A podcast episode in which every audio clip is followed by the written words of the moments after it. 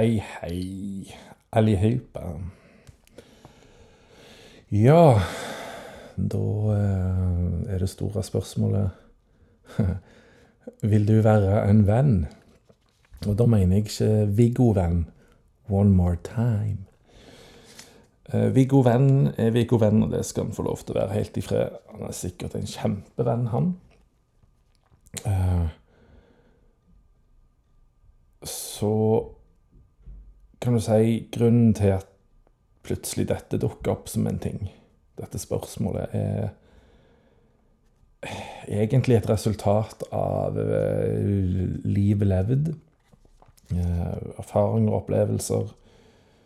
Eh, og så er det jo ting i, current events som trigger dette her på ny. Eh, altså alt dette med minner, livserfaring, liv levd. Og aktualisere på ny spørsmålet venner. Og sånn type Hva, hva er en venn? Hva vil det si å være venner? Hvordan altså, Rent sånn atferdsmessig, kanskje. Hva, hvordan er en venner? Hvor- Hvordan, hvordan være venner sammen? Eh, Hva, hva er grenser og muligheter i et vennskap? Um, min historie er jo Hva skal jeg si? Vennskap er definitivt mer kvalitative enn kvantitative. For jeg har, har ikke hatt mange venner opp igjennom. Og ikke mange nære venner. Men jeg har hatt noen få veldig nære. Og jeg har hatt en relativt liten krets av mennesker rundt meg. Eh, som hører sammen i mindre klikker på gjerne en fem-seks stykk toppen. Fra barndommen av så var det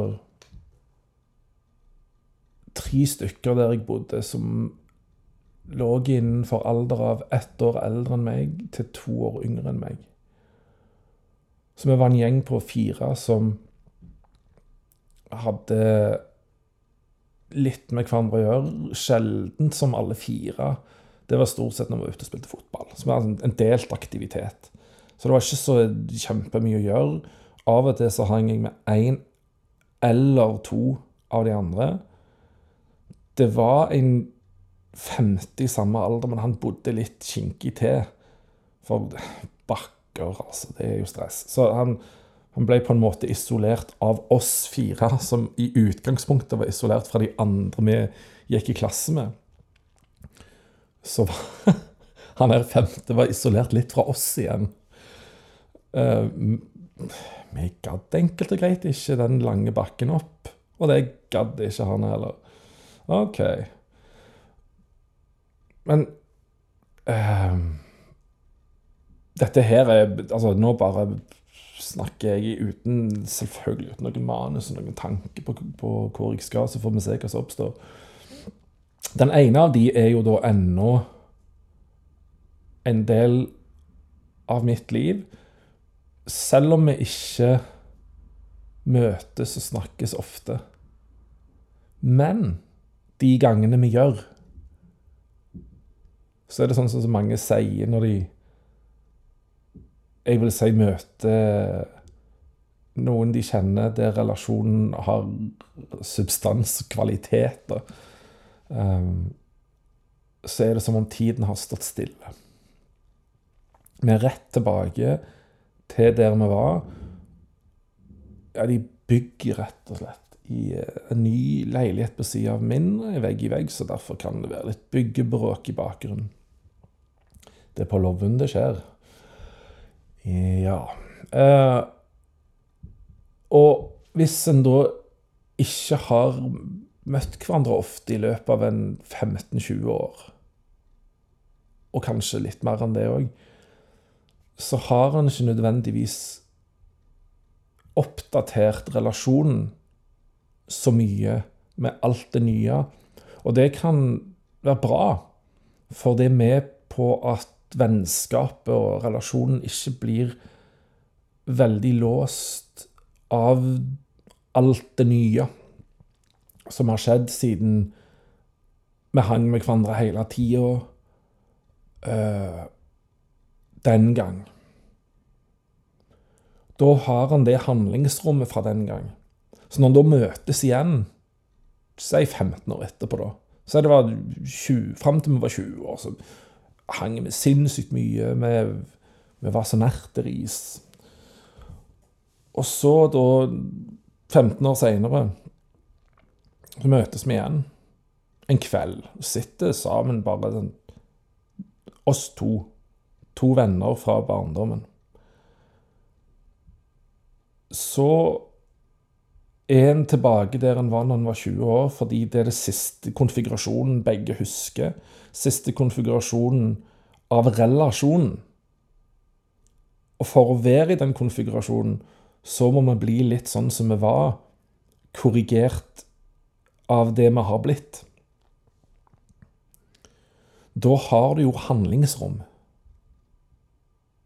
Fordi ting er ikke meisla i stein.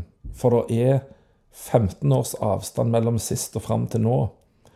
Og nå er du fastlåst i en del roller og relasjoner i hverdagen som gjør at du gjerne ikke har fullt handlingsrom, eller så stort handlingsrom som du kanskje ønsker at du skulle ha.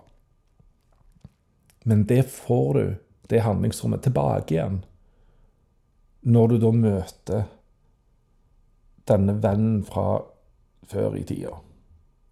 Og så kjennes det veldig godt, for at det, dette er sånn det skal være. Dette ville si å ha en venn, kan en gjerne tenke det. Så hva er en venn? Er det en person som gir deg handlingsrom? Fordi, altså, det fine med en barndomsvenn, det er at den Uansett Hvis du får en diagnose på et eller annet Det vet jo ikke din barndomsvenn. Den bare ser at du er sånn, du. Du er deg. Du fungerer på den måten. Da justerer jeg meg etter deg, og jeg justerer meg etter den. Så finner en en sinnssykt fin balanse. Og i den balansen så ligger det jo avklaring sånn sett. Og da eh, ligger det til rette for lykke. Og da ligger masse handlingsrom i det. Fordi du er sånn, du får lov til det. Selv om du andre ville tenkt å oppføre deg som en idiot nå, så er det du er min idiot. Det er greit. Så en venn for meg vil da være en person som gir handlingsrom. Det er jo viktig. Og så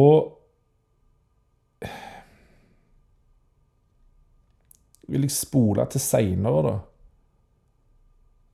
litt etter årtusenskiftet, så møter jeg en person som er et vannskille i livet, altså.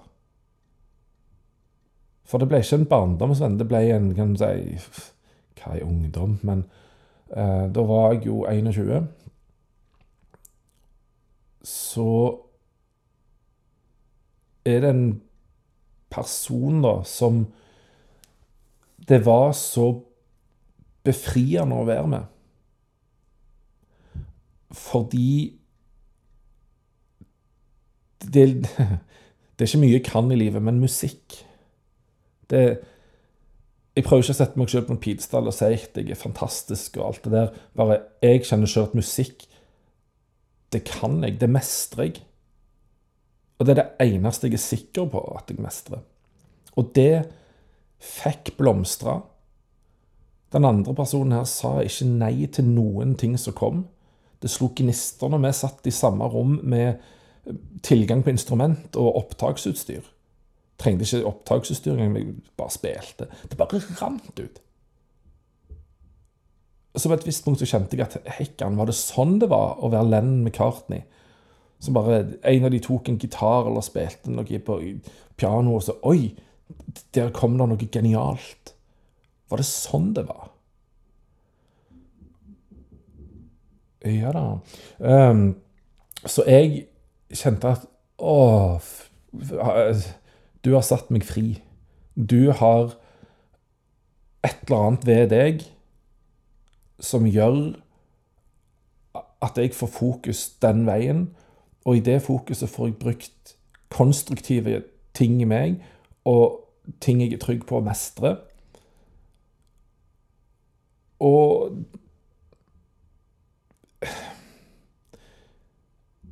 Forsterke hverandre.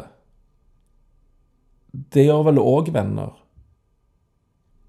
Og jeg tror ikke heller at den personen, verken den gang eller i dag, hadde brydd seg om om det kom et papir på et eller annet som sa 'du er sånn, du har det'. Fordi det hadde ikke betydd noe. Fordi at du Du er den som sitter foran meg, og den er jo ennå her i livet, et par og 20 år seinere. Men da må jo jeg ha et eller annet som den har opplevd å få i retur, som, som er bra, da. Som gjør at vi gir hverandre handling, handling, hverandre handlingsrom. Eh, og det har endra seg over tid. Og det er en del av handlingsrommet at vi tillater hverandre å endre oss. For ellers så sitter vi jo fast i den vi var. Da gir vi hverandre sjanse til å oppdatere oss. Det, igjen så handler det vel i bunn og grunn om handlingsrom. Men jeg, jeg tror ikke jeg, jeg, tror det er en faktor til her som kanskje ikke Disse to hadde kanskje i like stor grad som de hadde den der handlingsromkvaliteten. Eller relasjonen hadde nok ikke 100% av en annen kvalitet som for meg, fordi jeg er sånn som jeg er, er viktig. Og det er mm, Hvordan skal jeg si det? Det å dempe Ikke trykkokeren, for jeg er ikke en trykkoker. Um, men uh, det brenner en flamme inni meg ganske sterkt hele tida. Og det er forskjell på å dempe en flamme og kvele den.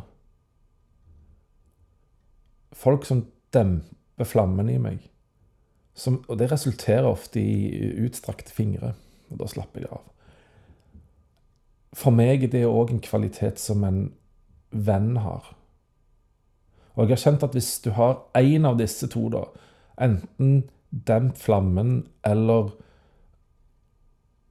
Og eller gi handlingsrom til at de konstruktive tingene kan komme ut. Da er det en god venn, hvis du har en av de.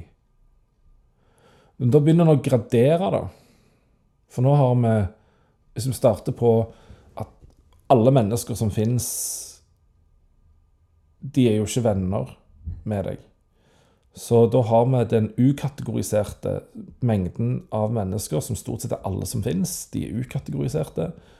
Så kommer vi på en grad som heter bekjente, som er sånne du har truffet en gang og to, eller gjerne hatt en relasjon med, og så har det, den gått litt opp i liminga, men vi er fremdeles bekjente. Og så kommer du til venner, men vi sier ofte gode venner. Jeg har et problem med det ordet, for det går over til et nytt nivå som jeg definitivt har litt utfordringer med, og det er bestevenn. Bare for å ta det sidesporet. Det syns jeg er litt ufint å si til noen. Fordi nå har jeg lagt et enormt press på deg. Du er min beste venn. Nå kan det bare gå nedover for deg. Og så har jeg òg sagt at du er den vennen som i enhver situasjon alltid er den som er best, uavhengig av kontekst. Og for meg er det logisk sett bare ikke riktig at noen Uansett situasjon og kontekst, uavhengig av det, alltid er den rette personen. Det syns jeg er en ekstremt overnaiv og romantisert måte å tenke på. At jo, men du, du er min alt. Du, du, er perfekt i alle situasjoner. Nei, men nå høres det ut som en snakker om noen som er gjerne over venn igjen. Eller kanskje ikke. OK, så du har eh, den ukategoriserte mengde, og så har du bekjente, og så har du venner. Men i stedet for å bruke god, for nå er jeg tilbake på hovedsporet igjen Istedenfor å bruke god, bruk nær venn.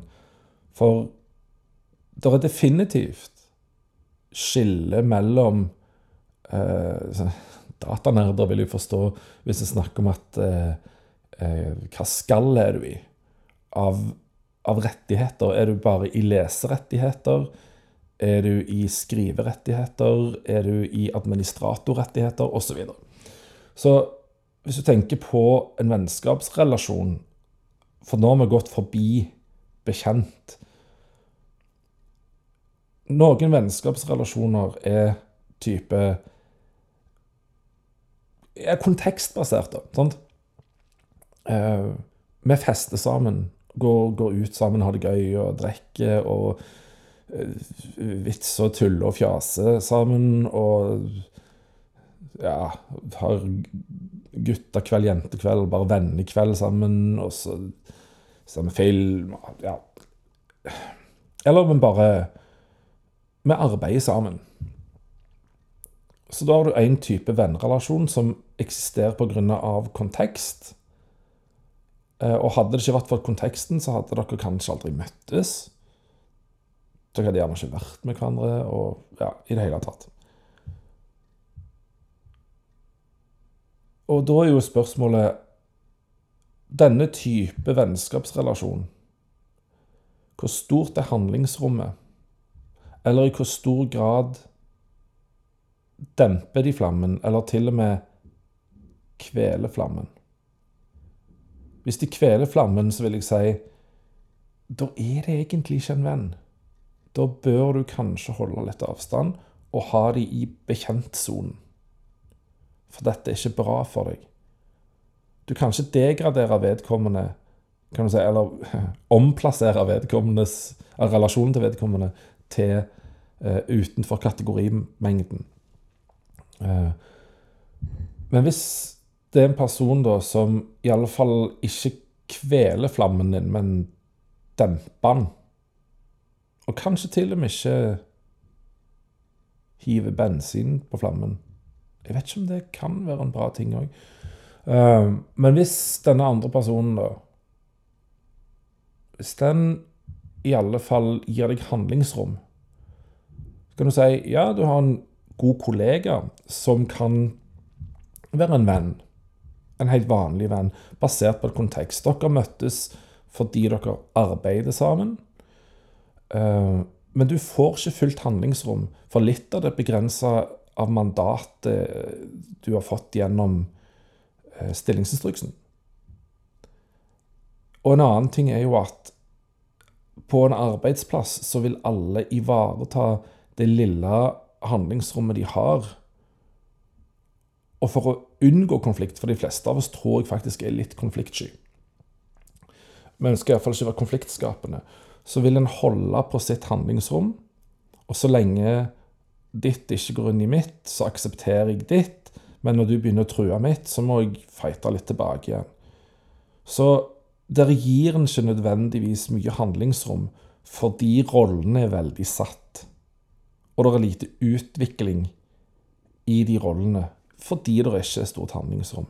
Det fins vennskap som er sånn som ikke er eh, profesjonelt betinga når vi kommer til kontekst. Og det er helt greit å ha sånne vennskap.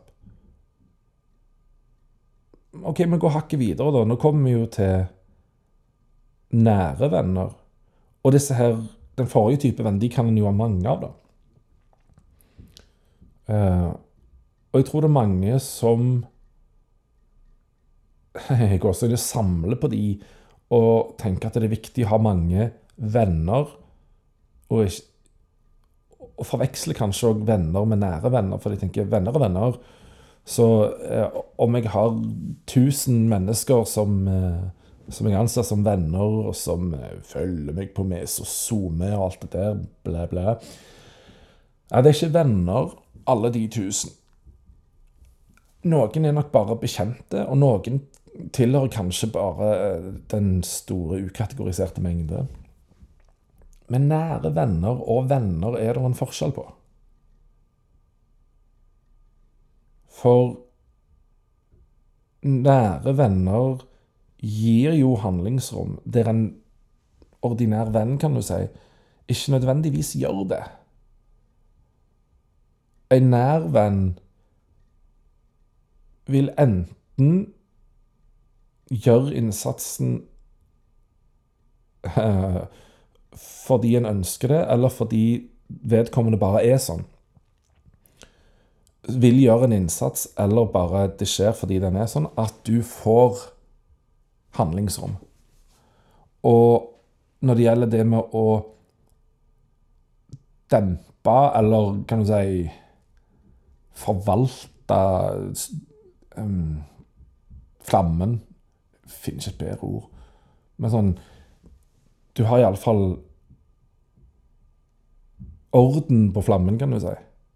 Den sørger for at Ja, ja, men flammen er flammen. Nå er vi her, du og meg. Det gjør jo en nær venn. Og det er sånn en ting som en gjerne um, I en sånn type relasjon så Den nære vennen tenker ikke over det. Fordi at den tenker ikke på deg som flammen. Altså det som koker brenner og bobler over inni deg. Noen har mye av det, hei, hei. Og noen har lite av det. Det er greit. Uh, tråden må jeg finne. Uh, ja, for en, en, nær venn vil tenke at ja, ja, så har du den flammen du har. Da er den kontrollert. Nå, nå er flammen dempa fordi den ikke betyr så mye. Og hvis en òg vet forklaringen på at den flammen er som den er Når jeg ser et papir som sier du har denne diagnosen igjen, da Urr, fælt ord. Du har denne superkraften. OK, da har du det. Da setter vi den i ei skål her, så setter vi den i hjørnet. Så er ikke den så viktig. Der er du. Hei, hei. Det gjør en nær venn. Da får du handlingsrom, samtidig som den vennen, den nære vennen, blir kanskje nettopp nær fordi den har begge disse evnene. Men så er spørsmålet da Må du ha begge, eller holder det med én av dem for å være en nær venn? Det vet jeg ikke. Og jeg gidder ikke gå inn der nå. Uh, for nå var det en annen ting jeg tenkte på. at Det der med hvordan være venner sammen. Fordi uh, Å, nå blir det mye her. Prøve å sortere i hodet. Jeg tror iallfall for egen del at jeg har hatt, og ennå har litt forventninger, gjerne får liksom bilder i hodet av Hvis jeg møter noen nye og vi blir venner, hvordan skal det være? Hva, eh, hva, er det vi kan gjøre, da? Og hvordan skal vi være sammen? Kan du tenke, ok, tenk at du da tar med en, eh, en vinkveld, og så skal det se sånn og sånn ut, og vin, og vi sitter sånn, og så snakker vi om det, og så blir det OK, nå har du en forventning til hvordan vi skal være venner sammen. Men ved å gjøre dette, så ga ikke jeg handlingsrom. Jeg innskrenka handlingsrom. Hmm. Så det å ha lite forventninger Bortsett fra folkeskikk og Ja, handlingsrom, gi handlingsrom og aksept Det er jo gode verdier. Bortsett fra det, så kanskje det ikke er så lurt å ha så mye forventninger, for en tenker at det å ha en venn, være en venn, og bare hele innholdet i vennen Det ligger enormt mye forventninger til det. Og ligger det ikke mye på aktivitetsnivå at eh, en venn er noe en gjør ting sammen med? Jo, det hadde jo vært rart hvis vi var venner som ikke gjorde noe sammen. Men hva er det som forbinder et vennskap, da? Ser du på små barn, eh, så ser du ofte denne Vil du være med og leke? Ja. Ja, men da er vi venner. OK, aktivitet binder de sammen. En felles aktivitet. Du har lyst til å være med på leken, ja. Noen går til og med hakket lenger og er sånn eh, Du har lyst til å være med på leken, ja. Aksepterer du reglene? Ja, da er vi venner. For nå har du òg akseptert noen premiss som sier hva handlingsrommet har. Innenfor hvilke grenser skal vi gjøre dette? For eh, vi vil ha det gøy sammen. OK, så det ligger en intensjon, og kanskje da en forventning, når en skal skape en relasjon med noen, til at det, det er aktivitetsbasert. Uh, der er et felles eh, ønske, og det er frivillig. For ingen tvinger deg til å være med. Og så må det være nødvendigvis et slags sett av regler som en må avklare. Ellers så kan man ikke bli lykkelig i denne relasjonen, dette vennskapet.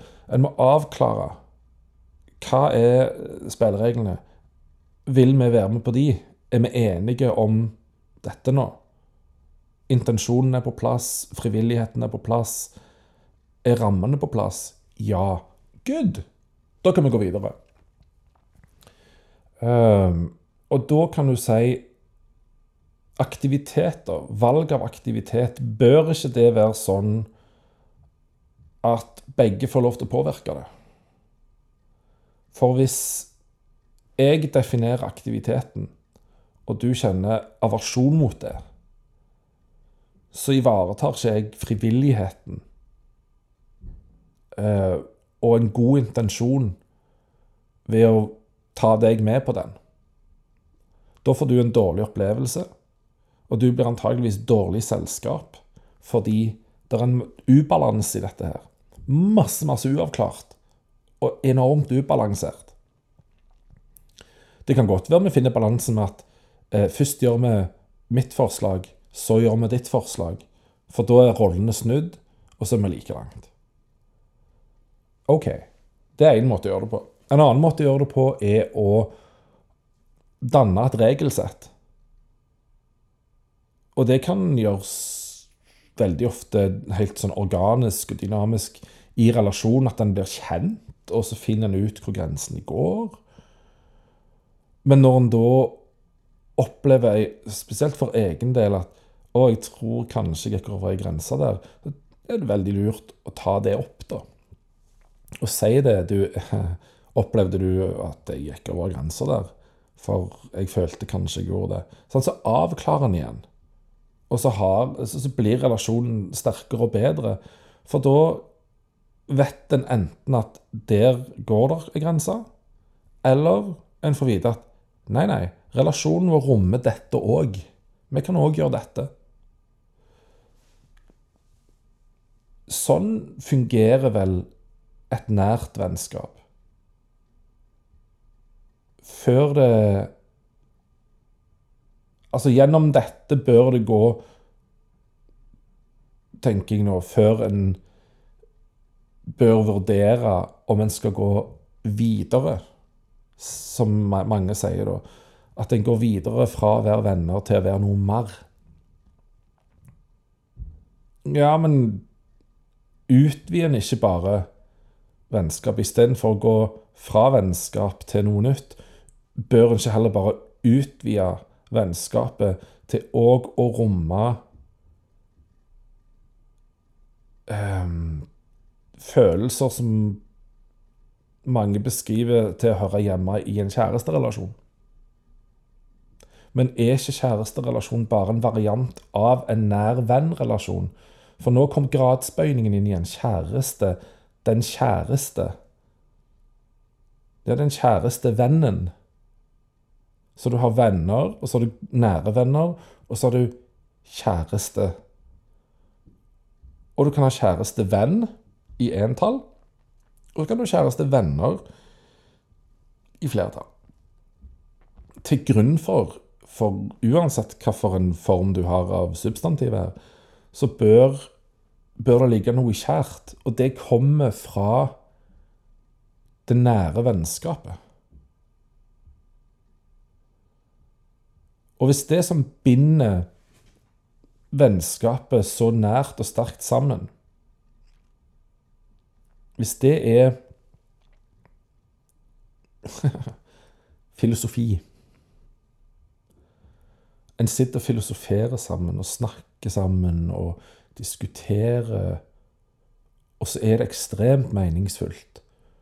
Og den eneste du opplever å få dette fra, eneste som er en variant av et eller annet kjæreste. Altså det høyeste nivået, på en måte. Du er den eneste som jeg får dette med. Da hadde kanskje en av de to partene følt det som La oss kalle det en form for utroskap, da. At du går nå og gjør dette med noen andre. Jeg trodde dette var vår ting. Så du er den eneste for meg, men jeg er ikke den eneste for deg. OK, den var litt vond, fordi det er jo dette vårt nære vennskap er tufta på. OK. Gå over til noe som mange sier at er grunnlaget, eller kjempeviktig, i et kjæreste i et sånn ikke klassisk, men bare sånn, sånn som eh, den forventningen som ligger hos mange til et kjæresteforhold, da, som vært i. Um, men sånn som jeg opplever gjerne at Og hører at mange har snakka med meg om dette og sagt det seksuelle er så viktig. OK. I et nært vennskap så er ikke det seksuelle nødvendigvis så viktig, men det er jo bare en aktivitet, da. Kan nære venner ha seksuell omgang med alt av eh, variasjonsbredde som seksuell omgang innebærer? Da er min tanke ja. Nære venner kan gjøre det. Venner kan òg gjøre det. Bekjente kan gjøre det. Du kan gjøre det med folk i alle de som er i den ukategoriserte mengde. Altså kan du ha seksuell omgang med alle du måtte ønske å ha det med. For det er en aktivitet. Men en vil jo at aktiviteten, enten det er en seksuell aktivitet eller legobygging eller bygge et fjell i sandkassen eller gå en fjelltur En ønsker jo at den som er med på aktiviteten, frivillig er med på den. Uh, syns at det er et snev av gøy, minst et snev av gøy og trivsel. Og i tillegg at eh, premissene og, og um, rammene er avklart på, for, for, aktiviteten. Men da kan en jo være med på hva som helst, og så ha det gøy innenfor de rammene. For ei, dette var jo fint. Så om det er en seksuell aktivitet, ja vel. Så da vil jeg si, da er ikke det noe unikt for den, det nære vennskapet som òg rommer det. Hvorfor får det tillagt så mye verdi? Var det det som gjorde at dere ble kjent? Jeg hører jo mange som forteller meg at nei, liksom, når de blir kjent med eh, den de har etablert seg med, og gjerne deler adresse med og har forplanta seg med, nå snakker jeg veldig klinisk om dette. Litt bevisst. Um, så traff de jo de ikke ved at eh, vi går rett på puling, og så blir vi kjent etterpå. Det var ikke så ofte det skjedde av de jeg har blitt Hvis de har vært sannferdige her, så det er det iallfall ikke sånn jeg hører at eh, de jeg kjenner, har snakka med om dette. Det er ikke sånn de har møtt de de deler hverdagen med, da. Eh, det er ikke den måten de har møtt dem på. Nei. Men da er det jo fordi en har flytta grensen litt ut, for først så var det jo den ukategoriserte mengde. Så ble vi bekjent. Så ble vi venner. Det var en viss kontekst rundt det. Og så ble vi ganske nære venner. Og så flytta vi veggen litt ut. Og så hvor langt kan vi trekke det ut? Jo, vi rommer òg denne aktiviteten. For nå har vi jo gjort alt det andre, så nå kan vi like så godt gjøre dette. Men er det det seksuelle som gjør at de blir kjærester? Nei, tror jeg, tenker jeg. Er det deling av adresse som gjør at han blir kjærester? Nei. Hva er det da? For jeg ser akkurat nå, med mitt dårlige syn, så ser jeg egentlig bare én ting som står igjen, da, og det er at et nært vennskap er det som det koker ned til. At et kjæresteforhold egentlig bare er en spesialvariant av et nært vennskap. Og kanskje er det det vennskapet du kjenner at rommer mest, som er det mest mangfoldige, eh, der handlingsrommet aldri blir mindre. Og der en heller aldri kveler flammen i hverandre. At det er et unikt forhold som er kjennetegnet på den kjæreste relasjonen du kan ha. Med mellomrom mellom kjæreste og relasjon. Så ikke kjæresterelasjon, men kjæresterelasjon. Og da kan en jo ha mange sånne.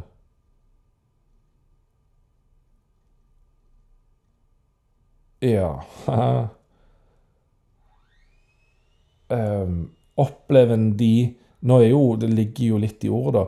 Opplever en de relasjonene som kjærlige? Ja. Det heter jo kjæresterelasjonen slash relasjonene. Ja vel, så det oppleves at det er noe kjærlig i dem, da. Hva er det som for deg gjør en relasjon kjærlig? Det er vel kanskje det store spørsmålet. Og det skal jeg ikke gå inn i nå, for det er jo verdigreier. Du må lande verdiene dine, tror jeg, for å kunne gjenkjenne at denne relasjonen er en kjærlig relasjon Altså nær relasjon som er kjær. Lik. For ord på norsk som slutter på lig, handler jo om at det er likt noe. Det ligner på noe. Så en kjærlig relasjon ligner jo på den kjæreste type relasjon du kan ha. Og det er en relasjon du vil ta vare på. Og så blir vi jo sykt ivrige når vi merker at her er det en sånn relasjon på gang. Da blir vi litt kokt i hodet. Kroppen gir oss signal, hjernen gir oss signal på at dette er jo en sånn relasjon. Wow, dette er nice, dette er digg, kjør på. Og så kaller vi det for forelskelse. Jeg hadde ingen tanke om å havne her og snakke meg inn i dette. Så dette er bare et eh, perspektiv jeg nå har kommet til, som jeg fikk nå. Og vet ikke om det stemmer helt, men det er ikke urimelig ut fra den tråden jeg har hatt fram til nå. Og forelskelse, det er jo en rus du får av kroppen med to veldig kan si, potente Det er dritmange hormoner involvert i det, men du får en rus som overstyrer deg. Du tenker jo ikke klart når du er forelska. Det er kroppen og hjernen som sier til deg 'Dette her er bra for deg. Gå den veien'.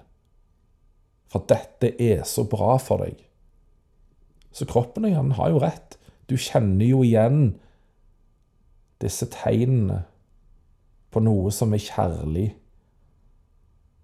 På noe som ligner på det kjæreste du kan tenke deg. All right. Så den forelskelsen er egentlig bare meint til å lede deg en vei og si her har du funnet noe riktig. Uh, go for it. Med alt det fine og utrolig frustrerende det fører med seg. Um, ja. Og så um, kan en gjerne i en sånn situasjon så er det gjerne menneskelig kjenne på at jeg er redd for å miste det jeg allerede har når denne rusen her kommer, og det er så vilt, og en ikke er helt seg sjøl, for en er jo ikke det. For det, er jo kroppen og hjernen som tar styring. Eh, og du er gjerne ikke helt bevisst på, på hva som skjer, fordi du gjerne ikke forstår greia med at du kjenner igjen noe som du ikke klarer å målbinde. Så kjenner du det igjen, og så blir du bare dratt inn i det, sugd inn i det. Og da er du overstyrt, og da er, ikke, du, da er ikke du deg sjøl, for det er ikke du som styrer det. Du blir bare dratt med. Um, og det er, det er jo vondt og fælt å kjenne at en mister kontrollen. Men når han er redd for å miste, da Hva er det da han er redd for å miste? Jo, han er redd for å miste det nære vennskapet. Eller om det bare er en ordinær venn så kan en være redd for å miste det òg, for at det, Du kjenner jo at det er noe bra, noe sykt riktig her. Du kjenner jo det. Og da er det antageligvis noe der som som har et sterkt og nært OK, sterkt. Da er det et godt grunnlag for et nært vennskap der i utgangspunktet, da, vil jeg tro. Og det kjenner kroppen din, det kjenner hjernen din, uten at du nødvendigvis er det bevisst eller kan rasjonalisere det. Så når du er redd for å miste, så er det nok kanskje en Altså noe rasjonelt bak det, da. For det tydeligvis så er det noe å miste der. Og du er mer redd for å miste det nære vennskapet. Men heller Heller gå for det nære vennskapet. Og hvis det viser seg at det kan romme flere aktiviteter. Hva enn de måtte være. Um, hvis det viser seg at verdigrunnlaget i relasjonen er stort nok til å romme hva det måtte være, ja, da blir det etter hvert en veldig kjær relasjon. Det blir en kjærlig relasjon, og det kan bli en av de, eller kanskje den kjæreste mellomrom, relasjonen du kan ha. Det er jo derfor det er så fint å ha ikke bare venner, men nære venner. Fordi det er noe kjært og noe kjærlig i de relasjonene. For det, de har jo valgt å beholde deg òg. Eller de beholder jo deg òg. Skal ikke alltid tenke så mye på om det er valgt. De, de, de har jo deg òg der. Da er det noe av verdi og noe viktig for de fra deg òg. Så det er ikke bare ensidig. Det er jo en gjensidig ting her. Wow. Da må jeg rett og slett bare ta en Bergen Mandolinband-tittel. Hvordan havna vi her? Wow. Jo da, så eh, Venner, i det minste. Um, når vi flørter, da, hva er det vi gjør? Er ikke flørting egentlig bare vil du, være med å, vil du være med å legge i sandkassen? Nei. Nei vel. En time seinere. Vil du være med å legge i sandkassen nå? Ja. OK, her er det grunnlag for felles aktivitet. Her er det grunnlag for å ha det gøy. Og så blir en litt eldre, eh, og så eh, begynner en å utforske hva tanker og holdninger og ideer, og kanskje til og med verdier, andre har eh, for å bli kjent med det. Tenker du likt sånn som meg? Nei. Så snakker vi sammen, og så 'Å, oh, wow, du var interessant. Du var kul.' Og så 'Oi, vi, vi ser på en måte verden litt likt med'. På én måte. Det var derfor jeg sa 'på en måte'. Uh, og så viser det seg at ja, der fikk vi jo en relasjon. Så flørtinga er vel egentlig bare det spillet for å finne ut Har vi muligheten til å gjøre dette òg? Har du lyst til å være med på Ja, OK. Så finner vi ut at OK, i den aktiviteten der Vi kan gjerne gjøre det, men jeg, jeg følte ikke at det var det beste jeg kunne vært med på. Skal vi heller prøve noe annet? Ja. OK. Så den utforskningen, etter hvert som, som prøver å gjøre sammen med andre, da, det er jo flørtinga. Og det ligger ikke nødvendigvis noe seksuelt bak det. Fordi flørt seksuell flørting er bare Det er seksuell flørting eh, um, Det gjør noe seksuelt er bare òg en form for flørting for å finne ut Kan vi gjøre dette òg sammen? Og sånn, Nei, jeg syns ikke vi var så flinke på det. Jeg følte meg ikke så god på dette. Kanskje vi skal padle kajakk heller? Ja vel. Så kan vi gjøre alle disse 99 tingene her. Og så den ene tingen vi ikke gjør, det er det seksuelle. Ja, bra. Men da har vi 99 trivsel her. Kan det likevel være faktisk den kjæreste relasjonen du har? Selvfølgelig. Betyr det at en må flytte sammen? Nei. Betyr det at en må pule sammen? Nei, sorry språket. Ligge sammen? Nei. Det betyr at en kan gjøre alt det andre, de, alle de andre 99% sammen, og kjenne at dette er den kjæreste relasjonen jeg har. Dette er den mest meningsfulle relasjonen jeg har. Oh god damn. Ja, nei, nå Nå er det på tide å avslutte her. Uh, når denne kommer ut, så er det jo seinere tidspunkt enn det jeg spilte det inn på. Så eh, jeg skal ikke trekke inn sånn veldig dagsaktuelle ting. Jeg eh, kan bare si at dette, det, dette er dagen etter eh, at jeg hadde en Instagram-konsert. Og det var jo litt spesielt. Bare for å ta den òg. Um, skulle gjerne tro at, kjenne, at, jeg kjente på sånn wow etter konserten. Som en vanligvis gjør når satt mye fokus på noe og liksom jobba ekstremt målretta. For det gjorde jeg i et, et døgn der. Mentalt, fysisk, teknisk, eh, emosjonelt. Alt det der. Det, det var en prøvelse det døgnet fra jeg bestemte meg for å gjøre den konserten, til jeg gjorde det. For det ligger godt utenfor komfortsonen min. Så kjente jeg ingenting etterpå. Det var, det var tomt og flatt, og jeg hadde bare lyst til å gå hjem og glemme. Eh, så sånn føltes det for meg. Eh, så hvis noen har hørt den konserten og, og, og vært konsertdeltakere så, og, og, fått noe ut av det og, satt pris på det, flott. Eh, og de som har gitt tilbakemelding Jeg tror på deg. Jeg setter veldig pris på det. Bare akkurat der og da så var jeg ikke i stand til å ta det inn. Fordi jeg var i en state of mind som ikke tillot det. Men det er noen som i alle fall har gitt uttrykk for noe, og det i, Nå i dag så kjenner jeg at jeg kan mer ta det inn, og at det betyr sykt mye. Så tusen takk til, til dere som, som sa noe.